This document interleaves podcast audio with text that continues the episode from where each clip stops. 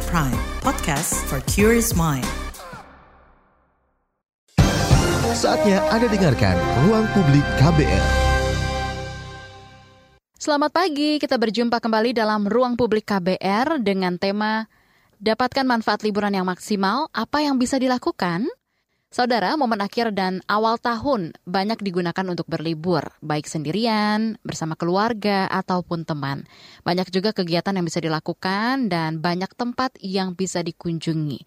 Tapi apakah liburan yang diisi berbagai kegiatan akan otomatis membuat kita merasa dampak liburan yang diharapkan?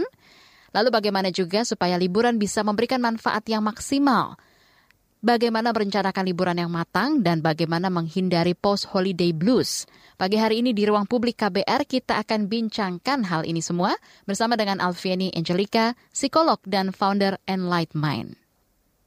Sebelum kita berbincang dengan Mbak Alfi, kita dengarkan dulu bagaimana cerita pendengar mengisi liburan mereka. Apa yang kamu lakukan untuk mengisi hari libur? Biasanya sih untuk aktivitas yang diisi ketika hari libur itu ya biasanya jalan, nge-mall, cafe, atau enggak main game sendiri. Kalau biasanya jalan sama teman, keluarga, atau enggak pacar. Kalau hari libur sih biasanya lebih ke nonton series, film, drama, sama mungkin masak-masak makanan gitu, coba-coba. Kalau liburnya panjang ya misalnya kita ketemu long weekend gitu biasanya sih merencanakan beberapa kegiatan gitu ya sama teman kayak mungkin nongkrong atau nonton kemudian bisa juga staycation gitu ya. Tapi ini sih sebetulnya tidak selalu ya agenda ini. Bagaimana kemudian ya ketika teman-temannya siap aja gitu kan sebetulnya aku tipe orang yang nggak mungkin liburan sendiri. Bukan nggak mungkin tidak terbiasa aja gitu kalau liburan itu uh, jalannya sendiri gitu ya. Jadi ketika ada plan ya plan itu sama teman-teman. Dan tentu saja akan bergantung pada uh, ketersediaan teman-temannya juga gitu. Ya tadi kalau nggak nonton staycation atau ya sekadar nongkrong aja gitu biasanya kalau kamu liburan itu selalu bikin rencana atau ala kadarnya aja nih dan kenapa? Biasanya sih kalau untuk liburan itu kebanyakan nggak bikin rencana sih cuman kayak ala kadarnya aja. Biasanya uh, menghubungi teman itu hamin satu sebelum mau jalan bareng gitu itu sebenarnya tergantung ya liburannya. Kalau misalnya keluar kota mau pergi uh, ke satu destinasi yang mungkin udah jadi wishlist itu biasanya ya aku bikin listnya gitu. Kayak mau ke mana-kemana supaya nggak buang waktu. Karena kan waktunya sempit. Tapi kalau misalnya cuma di rumah aja ya enggak sih. Biasanya nggak nggak bikin list kayak mau ngapain ngapain gitu. Ala kadarnya rencananya sih harusnya matang ya. Kalau misalnya ala kadarnya apalagi ngedadak ya walaupun ada yang bilang yang ngedadak itu jadi enggak aku tetap harus merencanakan itu sebaik mungkin. Karena orang itu time management banget sih. Kalau misalnya ada yang kayak ngedadak kayak gitu menurutku itu akan mengganggu uh, waktu yang lain juga gitu kan. Sekarang lebih pintar aja gitu memanage waktunya gitu. Jadi jarang juga sih kalau misalnya main atau eh, liburan ya terutama liburan itu kayak ala kadar tuh dadakan kayak gitu sih lebih jarang ya biasanya direncanain. Pernah nggak kamu merasa capek setelah liburan? Dan apa yang kamu lakukan untuk mengatasinya? Untuk ngerasa capek atau enggaknya sih tentu pernah ya karena uh, banyaknya aktivitas yang dilakukan selama liburan itu membuat saya pribadi juga terkadang melelahkan gitu. Nah untuk cara mengatasinya sendiri sih saya biasanya itu ketika sudah selesai melakukan aktivitas liburan sebisa mungkin untuk istirahat sebanyak-banyaknya gitu. Se dengan begitu juga ketika ingin kembali bekerja, uh, tubuh saya bisa fit kembali. Uh, pernah sih ngerasa capeknya karena ya main kan misalnya kayak keluar biasanya ngerasa capeknya kalau mainnya tuh keluar kota itu kan perjalanan dan segala-galanya itu yang bikin capek jadi biasanya tuh pasti spare sebelum kita memulai aktivitas normal itu ada spare waktu untuk libur dulu gitu loh. Jadi ada waktu istirahat satu hari lah. Jadi kita pulang dari luar kota itu hamin satu eh hamin dua kita masuk lah. Jadi setidaknya ada waktu istirahat dulu di rumah. Pernah waktu itu sih kenapa ngerasa capek? Karena biasanya apa yang sudah direncanakan itu tidak sesuai ekspektasi. Jadi kayak mungkin ketika liburan eh, kita nggak full menikmati, terus malah menjadi pikiran, terus perempuan kayak capek nggak jelas gitu ketika mungkin di luar dari perencanaan ya. Karena kan saya sendiri suka kesal gitu kalau misalnya apa yang direncanakan itu tidak sesuai ketika pada saat uh, hari liburannya gitu kan. Jadi pas pulang-pulang malah pusing terus kayak ngerasanya capek banget gitu. Tapi ya beberapa kegiatan liburan sih memang setelahnya capek. Tapi ada ya misalnya capek tapi kita puas dengan kegiatan apa yang sudah dilewati sama capek yang betul-betul pusing gitu. Itu kan nggak hmm, suka banget gitu ya yang sama yang kayak gitu kalau misalnya udah ngerasa capek banget sih ya satu-satunya sih bed rest ya kayak tidur lah gitu. Ya itu tadi sedikit cerita dari para pendengar soal rencana liburan mereka. Nah Mbak Alfi, apa sih esensi dari liburan yang sebenarnya dan liburan apakah harus selalu diisi dengan bepergian? Oke. Okay. Kalau ngomong soal liburan, sebenarnya esensi liburan itu kan relaksasi ya. Hmm. Relaksasi, istirahat. Istirahat berarti kita makan lebih baik, lebih teratur, tidur lebih cukup. Intinya keluar dari rutinitas ya. Hmm. Jadi uh, rutinitas itu sebuah periode waktu di mana tidak ada kata harus gitu ya melakukan ini itu gitu. Yeah. Mm -hmm. Terus di mana kita juga bisa menghabiskan waktu bersama sama pasangan, anak-anak, orang-orang yang spesial mm -hmm. seperti itu ya. Mm -hmm. Kalau tadi ditanya harus bepergian nggak sih? Nggak, tidak mm. harus ya. Oke. Okay. Karena buat otak emosi kita berjalan rileks di depan di taman depan rumah gitu ya, atau tidur di ruangan yang berbeda, atau makan di restoran yang berbeda, itu sudah kasih input yang berbeda. Mm. Jadi mindset kita juga berbeda. Oh ini sesuatu yang berbeda dari rutinitas gitu. Oke, okay. jadi ya. sesuatu yang berbeda dari rutinitas ya sebenarnya. Iya betul. Tidak melulu harus bepergian. Uh, ya. Arti dari liburan itu, oke. Okay. Nah, Mbak Alfi, uh, sebenarnya hmm. kapan sih kita membutuhkan liburan?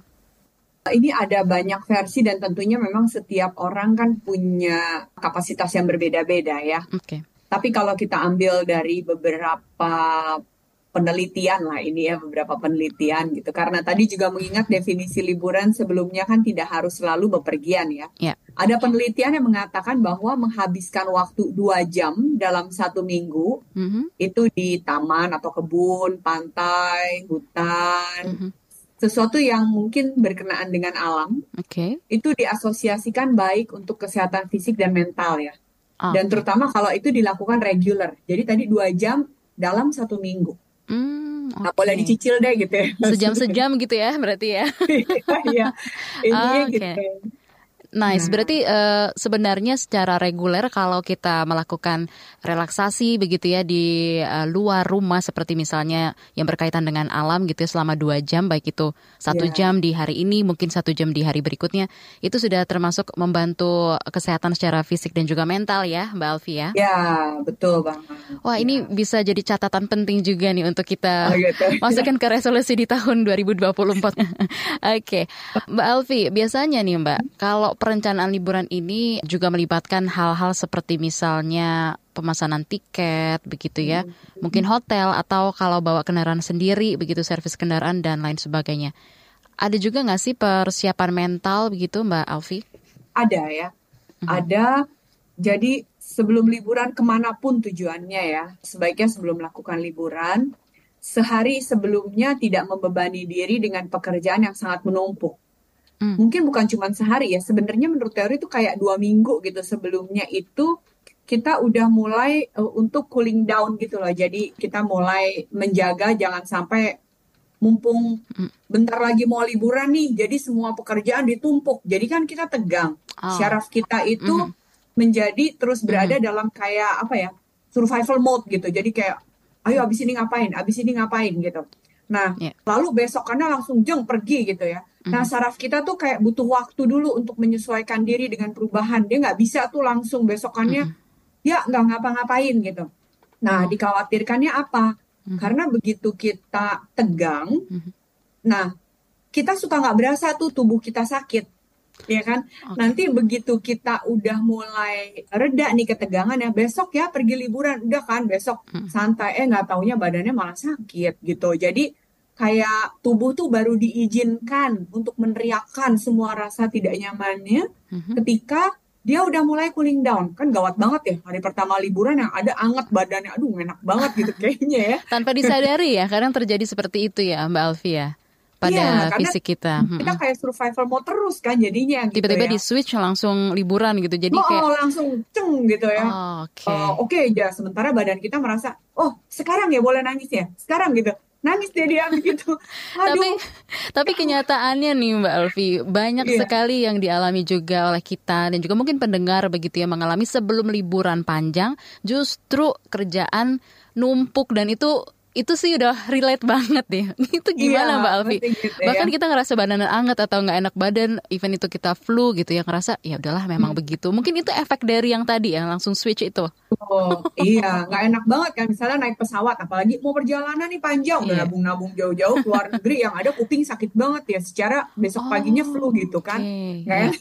Mhm, Oke, jadi eh, tadi kalau aku bisa ambil dari Mbak Alfi bilang juga selama dua jam gitu ya, misalnya kita bisa eh, relaksasi berhubungan dengan alam. Boleh tahu nggak nih Mbak, selama dua jam itu kita ngapain aja sih Mbak? Nah, selama dua jam itu kalau bisa do nothing ya, Do tidak nothing. melakukan apa-apa. Jadi Ah, uh, goodbye HP gitu ya, goodbye laptop. Misalnya kita mau jalan, Mm-mm. katakanlah misalnya di mana ya? Di taman lah gitu ya. Kan sekarang ada ya taman-taman di Jakarta atau mungkin kalau kebun kebun raya Bogor juga bisa gitu Mhm, ya. mhm. Bener-bener rasain pijakan kaki kita di taman. Mungkin kalau ada rumput, kalau mau nggak pakai alas kaki juga bisa. Hmm, Lalu rasain berjalan lebih lambat, rasain eh, sentuhan angin yang lewat ke badan kita, hmm. Hirup bau-bau rumput-rumputan. Kadang kan Iya. kalau sekarang udah mulai Rumput musim basah, hujan ya, iya. Aha. baunya hujan kena tanah tuh kan Hmm, fresh banget ya. betul. Nah, terus juga mata ngelihat sesuatu yang lebih hijau dan lebih luas ya. Karena kebayang sehari-hari kita kerja, pandangan kita sempit loh. Cuman ada di depan dan umumnya kan laptop yang kita pegang ya. Hmm, Tahu kalau enggak HP gitu yang kita pegang. Iya. Jadi izinkan mata untuk melihat sesuatu yang lebih luas di depan kita. Jadi napas kita juga bisa hah, bisa gitu take ya. a deep breath gitu ya. Ya, turun dan Ah. merasa itu lebih luas gitu. Terus Mhm. juga dengar ya suara-suara burung atau mungkin gemerisiknya daun Hmm. kena bergesekan. Mhm, Nah, seluruh panca indera kita Ya. itu dipakai saat itu untuk menangkap sesuatu yang berbeda. Karena kenapa? mhm. Semua panca indera kita itu nanti menerima semua input ini yang masuknya ke dalam otak emosi. Jadi panca indera kita itu aksesnya langsung ke otak emosi. Jadi Wow. saat itu langsung merasa bahwa oh, ini ada yang beda nih. Kamu nggak Hmm. lagi tegang ya, jalan kamu lambat, Mm-mm. Napas kamu lebih panjang. Oke, relax, seluruh badan relax. Hmm. Gitu jadinya. Wah, keren, keren banget. Jadi kita merasakan alam itu sendiri ya di sekitar kita ya, Mbak. Iya, ya. yang penting hadir sepenuhnya. Yes, full. Tapi apakah Iya. prinsip do nothing selama dua jam per minggu ini perlu juga nih Mbak Alfi diadopsi pada saat liburan yang mungkin lebih panjang? Kalau seluruhnya rasanya agak sulit ya, apalagi untuk kita para warga perkotaan yang udah terbiasa dengan Yes. dikit-dikit ngonten atau ntar dikit-dikit nelpon gitu. Pokoknya Mungkin gadgetly banget ya Mbak ya. Gadgetly banget Mhm. ya. Tapi boleh dicoba, artinya oke deh, pokoknya dari jam sekian sampai jam sekian aku bener-bener mau menikmati sekeliling aku. Gitu. Hmm, Jadi oke. kita ciptakan kayak jeda-jeda yang pendek tadi. Tapi bener-bener kayak kita misalnya jalan nih keliling jalanan di kota mana gitu ya. Kita Mm-mm. jalan bener-bener lihat sekitar ya kanan, kiri, bagaimana ekspresi wajah orang, kita tersenyum, kita menyapa, bener-bener hadir sepenuhnya di tempat itu gitu. Mhm. Tadi balik lagi demi input yang masuk ke dalam otak emosi kita. Bahwa ini sesuatu yang berbeda dari rutinitas kan ya gitu. Oke, Iya. itulah mungkin orang kenapa merindukan pulang ke kampung halaman karena memang suasananya sesuatu yang berbeda tentunya dari rutinitas setiap harinya ya, Mbak Alfi. Betul banget, iya. Oke, Gitu. Mbak Alfi sebelum kita break, eh, aku juga pengen tahu nih Mbak, seberapa besar sih pengaruh persiapan liburan yang tepat gitu dan nanti juga bisa membuat liburan maksimal efeknya? Pastinya besar sekali ya. Baik tadi kalau kita bicara soal persiapan mental aja, Hmm. dampaknya sebenarnya tanpa disadari besar sekali kan. Kita nggak ada yang Ya. mau liburan tiba-tiba besok paginya kita anget badannya ya atau tiba-tiba diare gitu kan Iya, ya. tanpa disadari ya. Iya tanpa Oke. disadari. Di samping yang lain-lainnya juga perlu ya. Maksudnya kayak ya mungkin obat-obatan yang Mhm. untuk membantu kita ya. Terus juga mungkin ya pakaian atau peralatan semua yang sesuai dengan kondisi cuaca di mana kita akan bepergian. Seperti itu. Oke, baik. Terima kasih eh, Mbak Alfi. Nanti kita akan kembali lanjutkan perbincangan pagi hari ini. Semakin menarik dan tentunya untuk Anda pendengar eh, tetaplah bersama kami dengan tema ruang publik yaitu dapatkan manfaat liburan yang maksimal. Apa yang bisa dilakukan? Masih Anda dengarkan Ruang Publik KBR. Commercial break. Commercial break.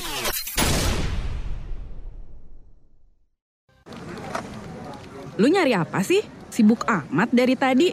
Duit gue nih hilang, padahal udah dimasukin dompet.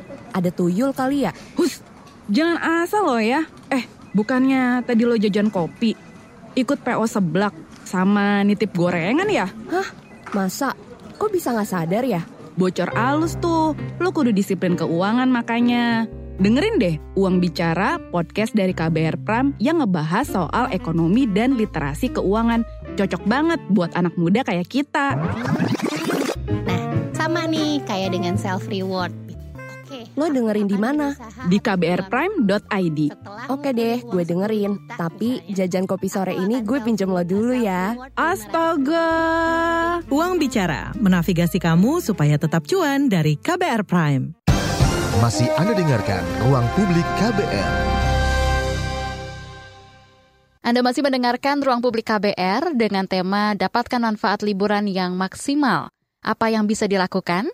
Kita masih berbincang bersama dengan Mbak Alfiani Angelica, psikolog dan founder Enlight Mind.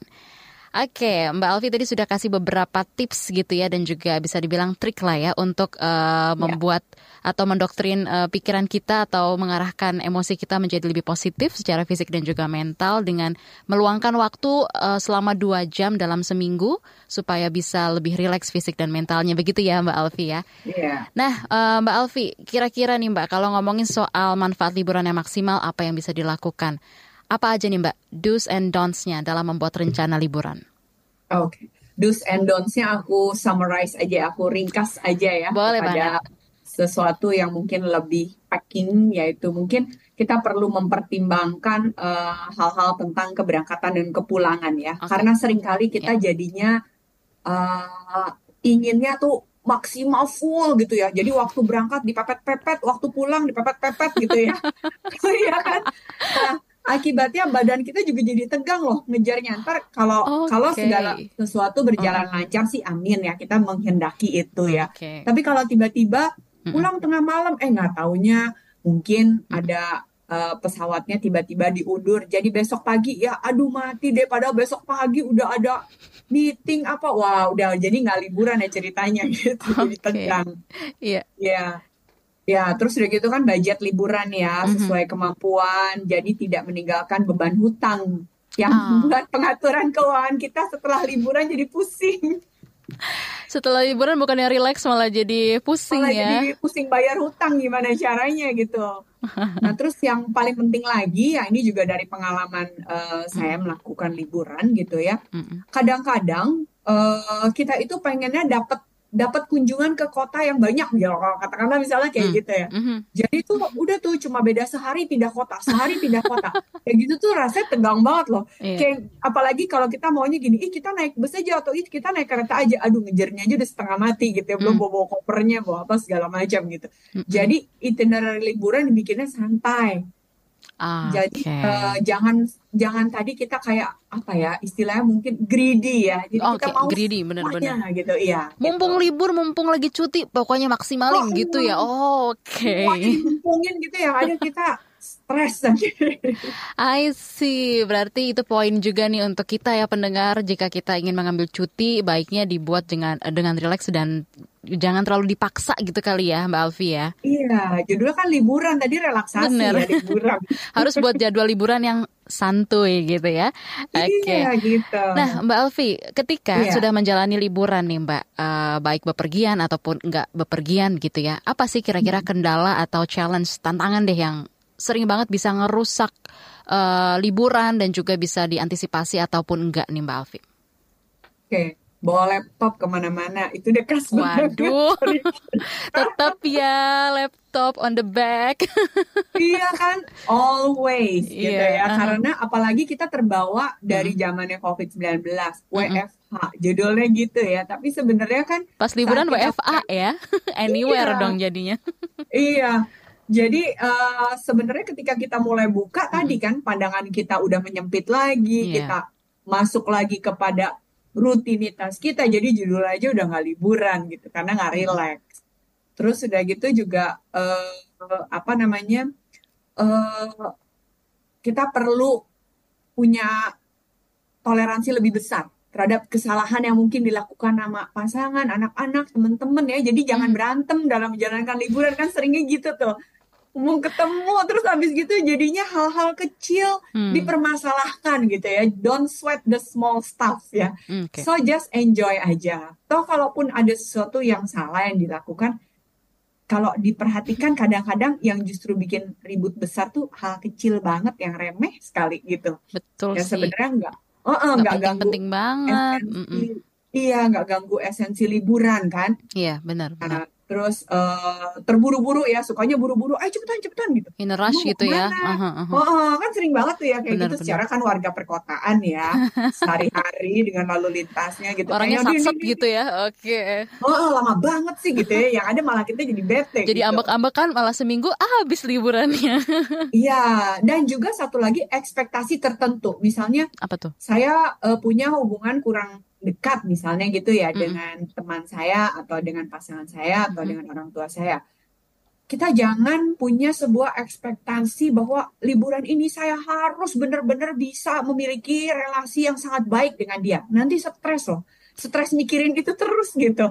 Jadi terlalu Jadi mengalir gitu ya. aja. Hmm. Iya, mengalir aja, enjoy the time together gitu aja. Gitu.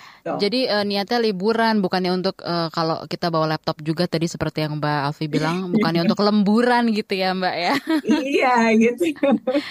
Oke Mbak Alfi apa sih kira-kira manfaat liburan ini eh, yang bisa kita rasakan pada saat lagi kita menjalaninya Mbak? Atau memang harus kita tunggu sampai selesai dulu baru bisa kita rasain? Atau bisa kita prepare supaya bisa diperbaiki gitu di tengah-tengah liburan?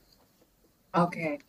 Semuanya jawabannya bisa sih. Dirasakan saat sedang menjalaninya bisa sekali. Mm-mm. Kayak tadi ya, saat saat itu juga berada di sini dan kini. Menikmati eh, semua hal yang masuk melalui panca indera kita. Mhm. Jadi dengan eh, segera otak emosi kita langsung memahami bahwa kita lagi ada di tempat berbeda nih, bukan rutin yang seperti biasanya. Oke. Mulai dari apa yang kita lihat aja itu udah berbeda ya, karena retina mata itu area terluar otak emosi loh. Jadi eh, apa yang kita lihat itu udah diterima sebagai input yang berbeda. Hmm. Nah, terus juga bisa diperbaiki nggak di tengah liburan? Bisa. Jadi kalau kemarin-kemarin saya berlaptop ria gitu ya, oke hari ini ditaruh deh laptopnya. Kita mulai fully present, sepenuhnya hadir di momen liburan itu. Hmm. Di akhir liburan bisa dirasain? Bisa dong. Kan eh, selama liburan kita sudah mengisi database otak emosi kita dengan sesuatu yang berbeda dari rutinitas ya. Iya. Jadi nanti kita bisa mengenang atau suatu hari ketika kita lagi lelah, aduh, bentar lagi libur aku mau ah pergi ke tempat itu lagi ya. Karena seluruh panca indera tuh kayaknya udah bisa membayangkan sensasi saat kita berada di sana. Nah, makanya harus fully mengisi deh tuh semua sensasi dengan tempat di mana kita berlibur. Oke. Nah, Mbak Alfi, apa Iya. nih yang bakal kita rasakan kalau liburan kita works alias berhasil begitu? Kalau eh, liburannya worth atau berhasil, biasanya pulang-pulang lebih rileks ya, Hmm. udah pasti gitu. Tubuhnya Lebih ceria segar, gitu ya. ya ceria, Satu gitu minggu ya. aja. Ada Sisanya stres lagi. euforia gitu, euforia. Rasanya lebih ringan ya. Mungkin Ah, eh, kalau biasanya kan kita sering ya ngerasain kalau terburu-buru atau dibebani kerja kan dada kayaknya Kayak berat ya, sesek sesek gitu. Iya, gitu iya ya. benar-benar. Heeh, nyesek Mhm. gitu, nggak enak. Nah itu kayaknya lebih plong, rasanya mungkin lebih ringan. Terus kayak ada exciting ya untuk Mhm. memulai kembali aktivitas. Terus juga mungkin merasa dicintai, ada memori kehangatan gitu ya dengan orang-orang yang tercinta. Jadi kita kayaknya pengen senyum, pengen Hmm. berbagi kebahagiaan itu, komunikasi juga lebih ringan sama orang lain, seperti itu mungkin ya. Oke. Iya. Oke Mbak Alfi, nanti kita kembali bahas eh, tentunya ngobrolin soal liburan pagi hari ini. Tapi nih Mbak, kita juga pengen tahu kira-kira apa aja sih kesalahan-kesalahan yang sering eh, dilakukan nih Mbak di masa liburan yang buat kita jadi enggak ngerasain manfaat liburan itu sendiri. Oke, nggak ngerasain manfaat liburan itu Iya, sendiri ya. mm-mm. Mungkin eh, tadi ya, ketika kita tanpa disadari banyak melibatkan diri dalam aktivitas kerja. Di tengah jalan ngecek-ngecek email, ngirimin email, tiba-tiba nemu sesuatu yang ah gitu. Wah udah deh, seharian Bad sibuk mood. untuk Oh. Heeh, bad mood lah atau ngomong terus telepon worry ya soal kerjaannya gitu cemas gitu bagaimana atau eh tadi juga mungkin memaksakan diri kita secara finansial gitu Mm. Eh, mumpung liburan deh mumpung dapat bonus misalnya gitu ya Mhm. jadi eh ah nanti gampang lah dibayar yang itu pakai gaji bulanan kan kita nggak pernah tahu juga apa yang akan terjadi gitu nanti ya Mhm. jadi eh, membebani diri dengan beban finansial yang terlalu berlebih hanya karena kita merasa ini mumpung lagi liburan. Ya. Ya, seperti itu. Atau tadi ya, eh, diajak berantem nih orang-orangnya diajak berantem gitu malahan anggota keluarganya hanya karena masalah kecil atau marah karena eh, sensi gitu-gitu ya. Ya mungkin kayak gitu-gitu ya. Atau tadi kurang persiapan Iya. salah kostum kan bisa jadi juga gitu Hmm. atau nggak bawa obat ya sesuatu yang hal-hal yang mungkin tanpa disadari jadi mengganggu keseharian kita dalam menjalankan liburan. Drama lah ya saat liburan itu. Dra- oh, oh, gitu. Oke, mungkin nanti juga em, bisa disampaikan juga dari Mbak Alfi gimana cara atau mengantisipasi supaya kita bisa menghindari drama saat liburan kali ya. Oke, untuk Anda pendengar tetaplah bersama kami dalam Ruang Publik KBR. Masih Anda dengarkan Ruang Publik KBR. Yuk follow social media KBR. Twitter at Berita KBR, Instagram at KBR.id, Youtube Berita KBR. Masih Anda dengarkan Ruang Publik KBR. Terima kasih untuk Anda yang masih setia mendengarkan Ruang Publik KBR hari ini dengan tema Dapatkan manfaat liburan yang maksimal, apa yang harus dan bisa dilakukan. Bersama dengan Alfiani Angelica, psikolog dan founder Enlight Mind. Oke, Mbak Alfi, kan eh, salah satu persoalan kesehatan mental nih Mbak yang sekarang lagi dapat perhatian Organisasi Kesehatan Dunia WHO adalah kesepian gitu ya. Iya. WHO juga bahkan sampai membentuk komisi internasional untuk mengatasi masalah kesepian ini yang katanya bisa berdampak pada kematian. Nah, Iya. apakah nih Mbak, kesepian memang jadi salah satu masalah mental yang harus dapat perhatian dan eh, gimana nih tanggapan Anda sendiri terhadap langkah yang diambil oleh WHO untuk mengatasi kesepian ini? Ya, ya kesepian memang jadi salah satu masalah mental dewasa ini yang eh, apa mendapat perhatian banyak ya. Hmm. Jadi ada sebuah penelitian di Amerika ini menarik banget Oke. bahwa pada tahun 1985 ketika orang ditanya berapa banyak orang kepercayaan yang kamu miliki gitu ya, Hmm. rata-rata orang mengatakan tiga orang. Itu tahun 85. Hmm. Nah, survei yang sama dilakukan tahun 2004. Mhm. Seperempat responden mengatakan saya tidak punya sama sekali orang yang saya percaya, gitu. Jadi zero. Nah, terus ada eh, seorang eh, peneliti dan juga eh, apa namanya eh, psikolog ya, eh, John Kakyopo. Nah, dia itu eh, bukunya terkenal terkait dengan loneliness. Dia mencantumkan 2000 studi oleh Universitas Michigan yang mengindikasikan bahwa dewasa ini 20% populasi merasa tidak bahagia karena tadi kesepian dan terisolasi gitu. Nah, kenapa kok bisa begitu ya? Karena pertama kita lebih mobile ya. Sekarang ini lebih banyak berpindah tempat, jadi harus menyesuaikan diri lagi, berarti harus membentuk pertemanan lagi seperti itu.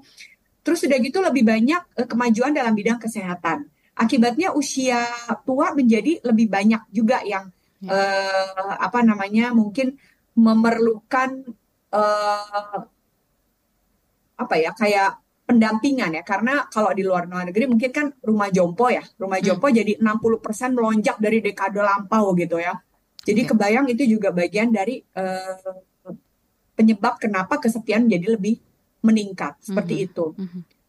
Dan uh, tadi juga kalau benar nggak sih menyebabkan kematian gitu ya? 30 tahun penelitiannya Kak Kyopo itu menemukan bahwa orang yang kesepian tuh lebih uh, mudah bermusuhan dengan orang lain. Jadi pandangannya mungkin lebih negatif. Terus mereka juga cenderung makan makanan yang mengandung gula dan lemak. Akibatnya kan kebayang ya, hambatan di aliran darah potensinya menyebabkan tekanan darah tinggi. Hmm. Terus ada tes air liur juga dari orang-orang yang kesepian ya. Ternyata mereka memproduksi lebih banyak hormon stres, yaitu hormon kortisol. Mhm. Terus selama periode yang berkelanjutan itu. Hmm. Akibatnya ya kena di sistem imun, susah tidur, penurunan fungsi kognitif, seperti itu ya. Oke. Nah, ini gawat ya. Iya sih, itulah kenapa mungkin eh, kalau orang lagi ngerasa lonely begitu ya, dia larinya ke makan yang manis-manis, pokoknya apa pun itu karena memang bikin happy gitu ya, Mbak Alfi ya. Betul. Selain bikin happy, Uh-uh. juga ada cerita eh, kalau nggak salah dari eh, Lady Diana ya. Iya, Lady? Diana, dia eh, memiliki bulimia ya. Yes. Jadi dia makan sampai sesak rasanya penuh sekali karena saat sensasi penuh itu rasanya seperti ada orang yang memeluk. It's so sad gitu ya. Sometimes sampai kita perlu untuk mengisi tubuh kita sehingga kita bisa merasakan sensasi bahwa ada orang yang memeluk kita.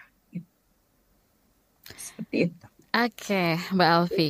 Em, mungkin bisa dikasih tahu juga untuk pendengar begitu ya. Kira-kira tanda-tanda kesepian nih, Mbak. Apakah seseorang yang mengalami kesepian bisa menyadari tanda-tanda ini? Mungkin kita tanpa disadari sebenarnya kita tuh lagi kesepian gitu. Iya nggak sih? Iya. Gimana, Mbak? Iya.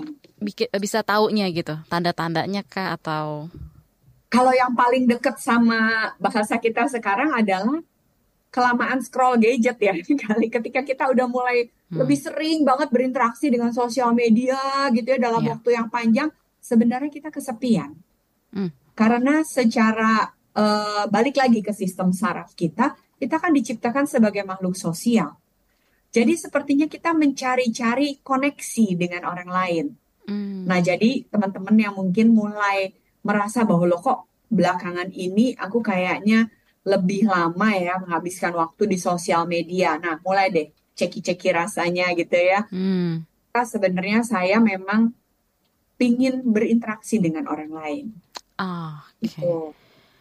Nah, Lalu kalau eh, merasa seperti itu tuh eh, Mbak Alfi, misalnya kita sudah ngerasa kita sering banget eh, berinteraksi dengan sosial media begitu ya, itu em, ada rentang waktu yang lebih spesifik nggak sih Mbak Alfi? Misalnya nih kita eh, scrolling gadget satu jam dua jam, nah, itu udah indikasi kalau kita sebenarnya kesepian atau ada atau nggak ada waktu tertentu? Hmm, rasanya akan jadi berbeda-beda juga ya di tiap orang gitu. Eh, mungkin lebih pasnya kita berefleksi ke diri kita sendiri ya. Saya itu ngecek kan kadang berasa ya ketika kita ngecek cuman sekedar pengen lihat-lihat aja terus ya udah kita taruh lagi. Iya. Tapi ada masa di mana kayak kita ingin aja gitu loh, kayak komentar sama orang lah, Iya. DM orang lah. Pokoknya udah kalau udah mulai begitu tuh, itu rasanya ada sesuatu yang memang memberitahu saya di dalam diri bahwa kamu sebenarnya kesepian. Jadi lihat dari aktivitas kita juga gitu. Hmm. Seperti itu ya. Bisa nggak sih Mbak itu mengatasinya mungkin gitu ya kalau kita sudah mulai aware atau sadar, ah kayaknya nih aku terlalu sering eh, scrolling medsos gitu ya, hanya scrolling tanpa berkomunikasi dengan siapa pun misalnya. Jadi larinya ke spiritual begitu, banyakin ibadah, itu jadi lebih membantu atau harus hapus medsosnya atau gimana Mbak? Aplikasi ya kali.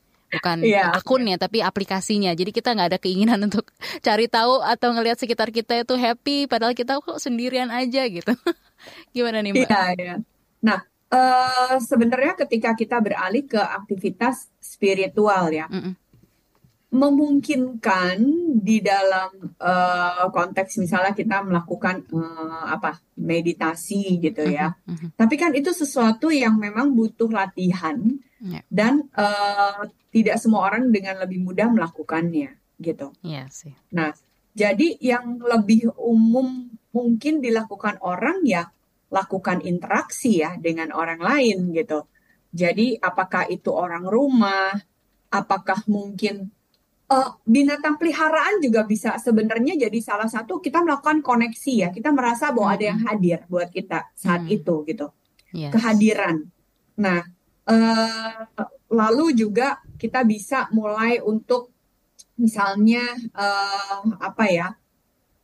ngajak teman terdekat kita lah gitu pasti ada lah satu dua yang mungkin untuk kita hubungi gitu ya untuk ngopi yuk bareng Mhm. jadi lebih baik untuk memang berinteraksi langsung begitu ya. relasi nyata gitu ya Iya. relasi yang nyata sehingga balik lagi indera-indera kita itu kan tadi memberi input ke otak emosi kita Iya. gitu jadi ketika kita bicara koneksi maka diharapkan ada mata ngelihat orang lain orang lain hadir gestur orang itu mendengarkan tuh kan udah kayak "Hah, saya Iya. nggak sendirian gitu Benar. seperti itu ya Oke, thank you Mbak Alfi. Tapi Iya. kalau sekarang juga enggak jarang gitu ya kalau orang itu suka belanja online begitu ya.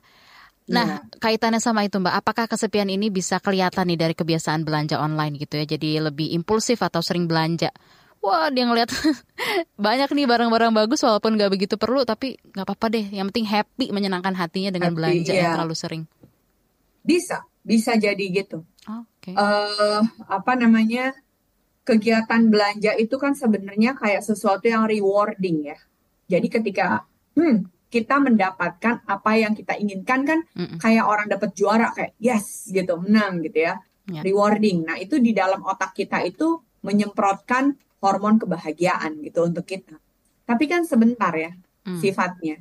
Mhm. Jadi kita harus belanja lagi untuk uh, membuat kita bahagia lagi gitu. Lama-lama kan jadi banyak belanja. Karena ketika kita ngomong kesepian, kayaknya hormon kortisol, hormon stres tadi kan dikatakan ya, Iya. hormon kortisol atau hormon stres itu jadi lebih banyak ada di air liur kita. Hmm. Lalu untuk mengurangi stres gimana? Kebanyakan orang bukan mengatasi, tapi mendistraksi dengan tadi belanja lebih banyak, uh, makan lebih banyak, Mhm. terus udah gitu mungkin juga judi online ya sesuatu yang kayaknya rewarding gitu. Iya. Itu relate Iya. banget sih orang banyak kan eh, bukannya mengatasi tapi mendistraksi ya Mbak Alfi Betul ya. banget. Iya. Oke. Poin berikutnya nih Mbak, kapan kira-kira seseorang yang merasakan gejala-gejala kesepian ini harus dapat bantuan profesional Mbak Alfi? Oke. Ketika mereka mulai merasakan eh, apa depresi. Nah, depresi kan kadang orang bingung termnya Uh-uh, eh, uh-uh. depresi itu mengukur dirinya Gimana bagaimana sih? ya. Ha-ha. Itu gimana Mbak? Nah, ketika kita mulai malas bangun dari tempat tidur, kita mulai eh, malas merawat diri kita, bisa nggak mandi berhari-hari gitu ya. Hmm. Lalu kita maunya tidur dalam posisi kayak meringkuk aja, lalu semua lampu dimatiin. Kita mulai malas untuk kayak ngomong eh, atau bersosialisasi. Nah, itu udah eh, perlu diwaspadai. Tapi nggak nggak harus nunggu sampai begitu juga ya. Ketika kita udah mulai merasa kok kayaknya udah mulai nggak semangat, yang biasanya semangat jadi kayak pengennya menyendiri. Nah, itu Mhm. eh, kita perlu mencari eh, seseorang untuk membantu kita gitu ya, menguraikan apa yang kita rasakan. Lalu juga mungkin mulai temperamen ya. Oke. Sesuatu yang kecil kok mulai menyinggung saya padahal biasanya nggak apa-apa. Seperti Hmm. itu. Atau suicidal thinking ya. Waduh, mulai ya. ada ide-ide saya kayaknya nggak usah ada lagi aja deh. Nah, itu perlu diwaspadai ya. Begitu mulai rasa itu muncul eh, segera mencari profesional ya. Karena kita nggak nge tuh kadang-kadang akarnya tuh bisa panjang sekali. Bahkan ya sering kali ditarik bisa ke masa kita dibesarkan tuh. Kayak gitu. Ternyata uh rantainya panjang banget ya sampai hari ini gitu. Wah, itu perlu diketahui bersama ya berarti ya Mbak Alfi ya. Iya, iya bisa gitu tuh. Oke. Nah, jadi apa nih Mbak yang bisa dilakukan untuk mengatasi kesepian, bukan mendistraksi kesepian? Dan gimana dengan liburan ini? Apakah ada liburan tertentu yang bisa dilakukan? Atau liburan seperti apa nih Mbak yang bisa mengatasi kesepian juga mungkin? Ya, kalau mau mencoba mengatasi kesepian dengan liburan, yang pasti eh, kalaupun kita pergi sendiri, pastikan kita benar-benar sepenuhnya hadir, gitu. Karena ternyata tadi ya sapaan alam baik burung yang berkicau atau tiba-tiba ada kupu-kupu yang mendarat atau apa tuh Mhm. ketika kita benar-benar hadir benar-benar merasakan itu membuat kita menjadi penuh lagi gitu kayak kita nggak sendiri di alam ini Iya. ada angin yang kena kulit ada sesuatu yang eh, suara yang mampir ke telinga kita gitu atau bisa juga kan sekarang banyak juga ya yang eh, apa trip bareng gitu ya mau ke. Labuan Bajo tanggal sekian Betul, gitu kan betul. ya Heeh. Nah, Banyak. itu boleh juga kita lakukan gitu. Mhm. Nah, baiknya kita lakukan kalau misalnya kita udah mulai, mulai merasa kayaknya aku butuh temen ya udah kita mulai pergi. Karena nanti begitu udah kronis banget, kita malas loh untuk ngomong sama orang karena kayak Iya. perlu usaha lagi gitu, perlu energi lagi gitu untuk bicara dengan orang gitu kan. Padahal lagi lemes badannya. Nah, jadi begitu kita mulai kayak aku kayaknya butuh temen nih. Oke deh kita cari kan sekarang banyak gitu ya yang trip bareng nih mau ke mana gitu open trip gitu. Oke. Nanti Iya. eh, juga kita akan lanjutkan tentunya dalam ruang publik KBR pagi hari ini eh, berbicara mengenai soal liburan begitu ya yang bisa dibilang maksimal seperti apa dan apa saja yang bisa dilakukan. Tadi sudah beberapa hal banyak disampaikan oleh Mbak Alfi ya di pagi hari ini. Untuk Anda pendengar tetaplah bersama kami dalam ruang publik KBR. Masih Anda dengarkan Ruang Publik KBR. Commercial break. Commercial break. Permisi mas, Iya mbak, numpang nanya, mau nanya apa? Tahu KBR pagi nggak? Udah pasti tahu dong, karena aku sekeluarga udah lama langganan KBR Pagi. Banyak informasi, mulai dari berita sosial, budaya, politik, hukum, berita nasional maupun daerah, berita terkini sampai berita viral. Semua ada di KBR Pagi. Pokoknya kurang lengkap aja rasanya kalau sehari nggak dengerin KBR Pagi di kbrprime.id. Cari aja KBR Pagi. Loh, kok mas hafal banget? Jangan-jangan mas hostnya ya? Hayo ngaku, kamu Don Brady kan? Eh, eh, eh, eh, eh, kabur. KBR Prime, podcast for curious mind. Masih Anda dengarkan Ruang Publik KBR. Kita tiba di bagian akhir ruang publik KBR pagi hari ini dan bagi Anda yang belum sempat mendengarkan siaran pagi hari ini dari awal dengan tema kita dapatkan manfaat liburan yang maksimal, apa yang bisa dilakukan? Silakan Anda bisa dengarkan kembali di podcast kbrprime.id kemudian pilih ruang publik. Kita masih ngobrol nih dengan Mbak Alfi, psikolog dan juga founder Enlight Mind ya. Tadi udah beberapa hal yang disampaikan soal uh, beberapa cara supaya bisa mendapatkan liburan yang maksimal, apa saja yang harus dan bisa dilakukan. Nah, Mbak Alfi, momen liburan nih bagi sebagian orang itu kan tentunya akan diposting di media sosial. Mungkin bahasa yang paling sering didengar adalah flexing lah, cile gitu ya. Lokasinya kah atau makanannya kah, many things gitu kan.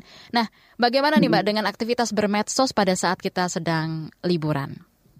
Nah, kalau ngomong soal medsos itu kita tanpa disadari ya, jadinya sebenarnya nggak liburan, nggak rileks. Karena jadi mikir, jadi mikir apa nih yang pantas ditayangkan, apa yang kayaknya wow gitu ya. Lagu apa nih yang cocok untuk mengiringi foto aku, untuk mengiringi reels aku gitu kan ya. Iya. Malah jadinya sambil jalan di tempat yang bagus banget yang kita udah bayar mahal-mahal itu kita cuma nunduk dan sibuk nyari-nyari lagu atau filter-filter gitu ya gimana caranya supaya kece kelihatannya gitu. Hmm. Nah, jadi ketika itu terjadi maka sebenarnya kita nggak lagi liburan. Karena tadi balik lagi definisi liburannya kan relax. Definisi Relax, liburan tuh istirahat. free ya berarti ya. Dari Free, segala relax, rutinitas yang sering kita lakukan. do. Wah, itu. Iya, gitu. Jadi sekali lagi indera kita diisi dengan apa yang ada di tempat itu, gitu. Mhm. Tapi kalau tadi fokus ke layar, pertama jadinya kita balik lagi dong ya kayak momen kita di perkotaan, udah pandangannya sempit, cuman ke layar doang gitu. Sementara kita mau pergi keluar buat lihat nih, memperluas, katanya mau relax gitu. Jadinya nggak relax kalau udah kayak gitu ya. Mungkin lebih dibatasi sih penggunaannya. Hmm. Atau kita bisa komitmen nih, nanti deh malam. Misalnya pada saat aku mau tidur, aku akan posting, tapi cuman dua postingan, misalnya seperti itu ya. Hmm. Karena kadang-kadang kebayang ya kalau kita eh, mungkin lihat postingan orang yang kayak begitu liburan, tiap detik tuh ada terus yang masuk yang baru sampai kita mikir gini ini liburan apa enggak liburan nih sebenarnya Sering banget aku ngeliat juga Mbak Alfi. Di status sampai titik gitu ya, titik gitu kan saking banyaknya Iya. yang diupdate. Wah, itu relate Iya, banget. mulai dari awan sampai balik ke awan lagi gitu. Bener bener bener. Kadang itu yang tanpa kita sadari gitu kan, ketika kita mau liburan maksudnya Iya. untuk relaksasi juga eh, dengan diri kita sendiri gitu ya, kita lebih akrab sama Iya. diri kita sendiri. Tapi kita berkutat dengan handphone gitu ya, dengan gadget, Mm-mm. memikirkan nanti orang akan ngelihat aku akan seperti ini. Itu sebenarnya bikin Iya. rumit itu tuh diri sendiri ya Mbak Alfi ya.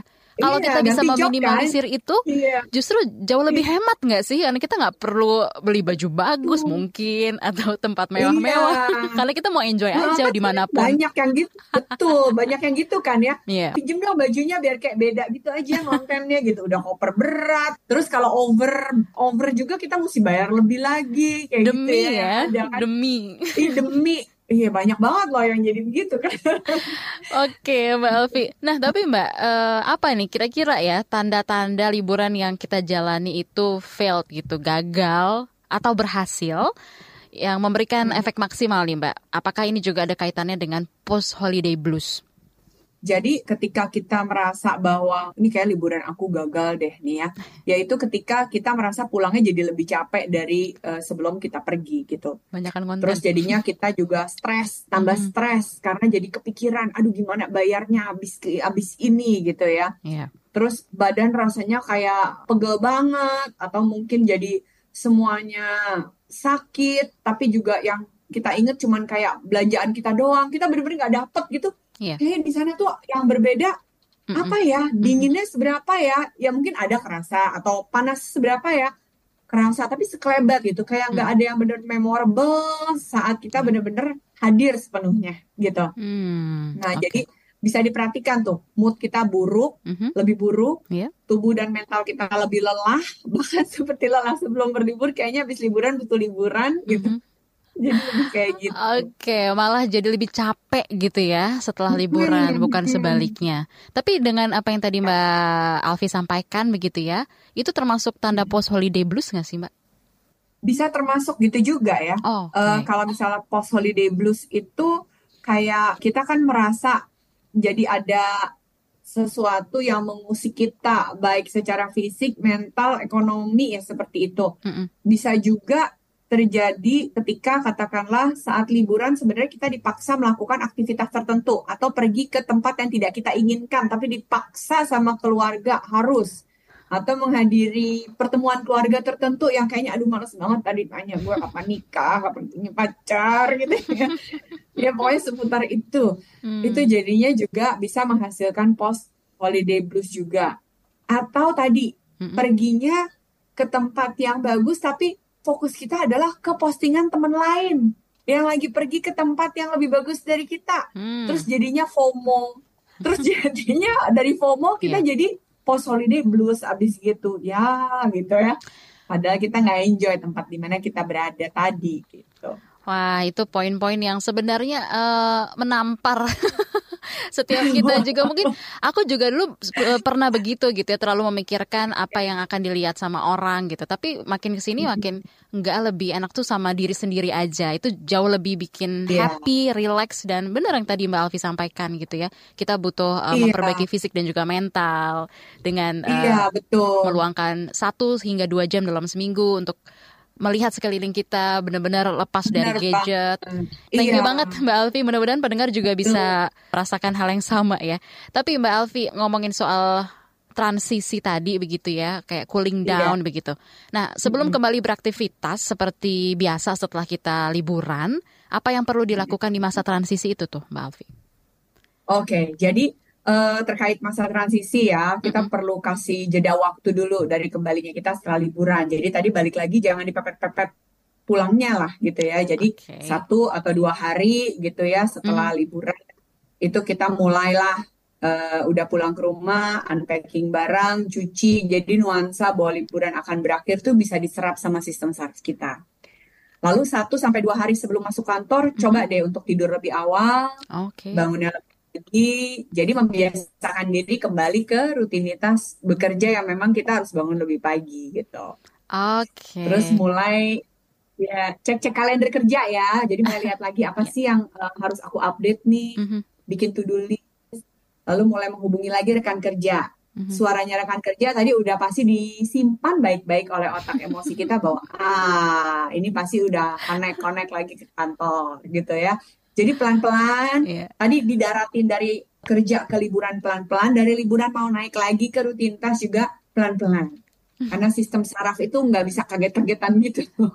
Jadi kita harus uh, menyesuaikan kembali ya Mbak, apalagi kalau kita uh, baca WhatsApp aja deh dari bos gitu kan, kita langsung suaranya, tone-nya itu langsung ada di benak kita kayak gini gitu ya, saking Iya, itu harus diadaptasi lagi ya Mbak ya setelah liburan ya. Bener banget gitu. Kalau bisa bos-bos liburan aja, bos hadir boleh, boleh, boleh. Oke, terakhir Mbak Alfi, pesan nih uh, dari Mbak Alfi untuk pendengar yang mau atau sedang menikmati hari liburnya, baik lagi sendirian, bersama teman ataupun dengan keluarga. Silakan Mbak Alfi. Jadi buat para pendengar yang memang lagi menikmati hari liburnya baik sendiri maupun bersama teman dan keluarga, pesannya cuma satu, hadirlah sepenuhnya. Ya, hadirlah sepenuhnya di mana pun Anda berada. Apabila sedang berlibur sendiri, sadari sepenuhnya lingkungan yang ada di sekitar kamu, orang-orang yang kamu temui. Karena sebenarnya banyak sekali hal yang bisa diambil dari aktivitas do nothing selama liburan. Ya, lalu juga kalau sama teman-teman dan keluarga hadir sepenuhnya bersama mereka. Jangan sibuk dengan gadget, konten, postingan, nanti ambil foto dari angle mana. Kadang melihat sesuatu langsung dan benar-benar menikmati itu nggak bisa sama sekali di capture sepenuhnya oleh foto. Ya, jadi kita bisa kayaknya keren banget gitu diambil foto kok kayak biasa aja ya. Makanya itu kan ngabisin waktu sibuk sibuk nanti kita nyari angle angle angle, udah buang aja tuh HP, udah fokus enjoy aja dan biarkan otak emosi kita yang punya gigabyte jauh lebih besar gitu ya, mungkin tera dan lebih jauh lebih besar lagi dari itu bisa merekam dengan sangat baik gitu ya. Jadi isilah semua panca indramu dengan seluruh sensasi yang kamu temui di dalam liburan kamu. Gitu kira-kira.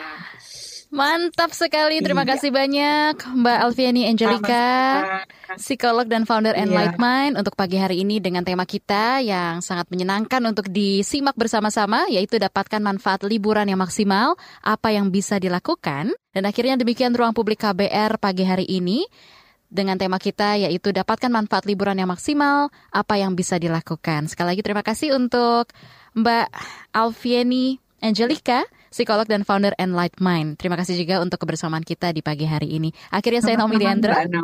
dan juga Ya. tim yang bertugas pamit undur diri. Terima kasih dan sampai jumpa. Baru saja Anda dengarkan Ruang Publik KBR. KBR Prime, cara asik mendengar berita. KBR Prime, podcast for curious mind.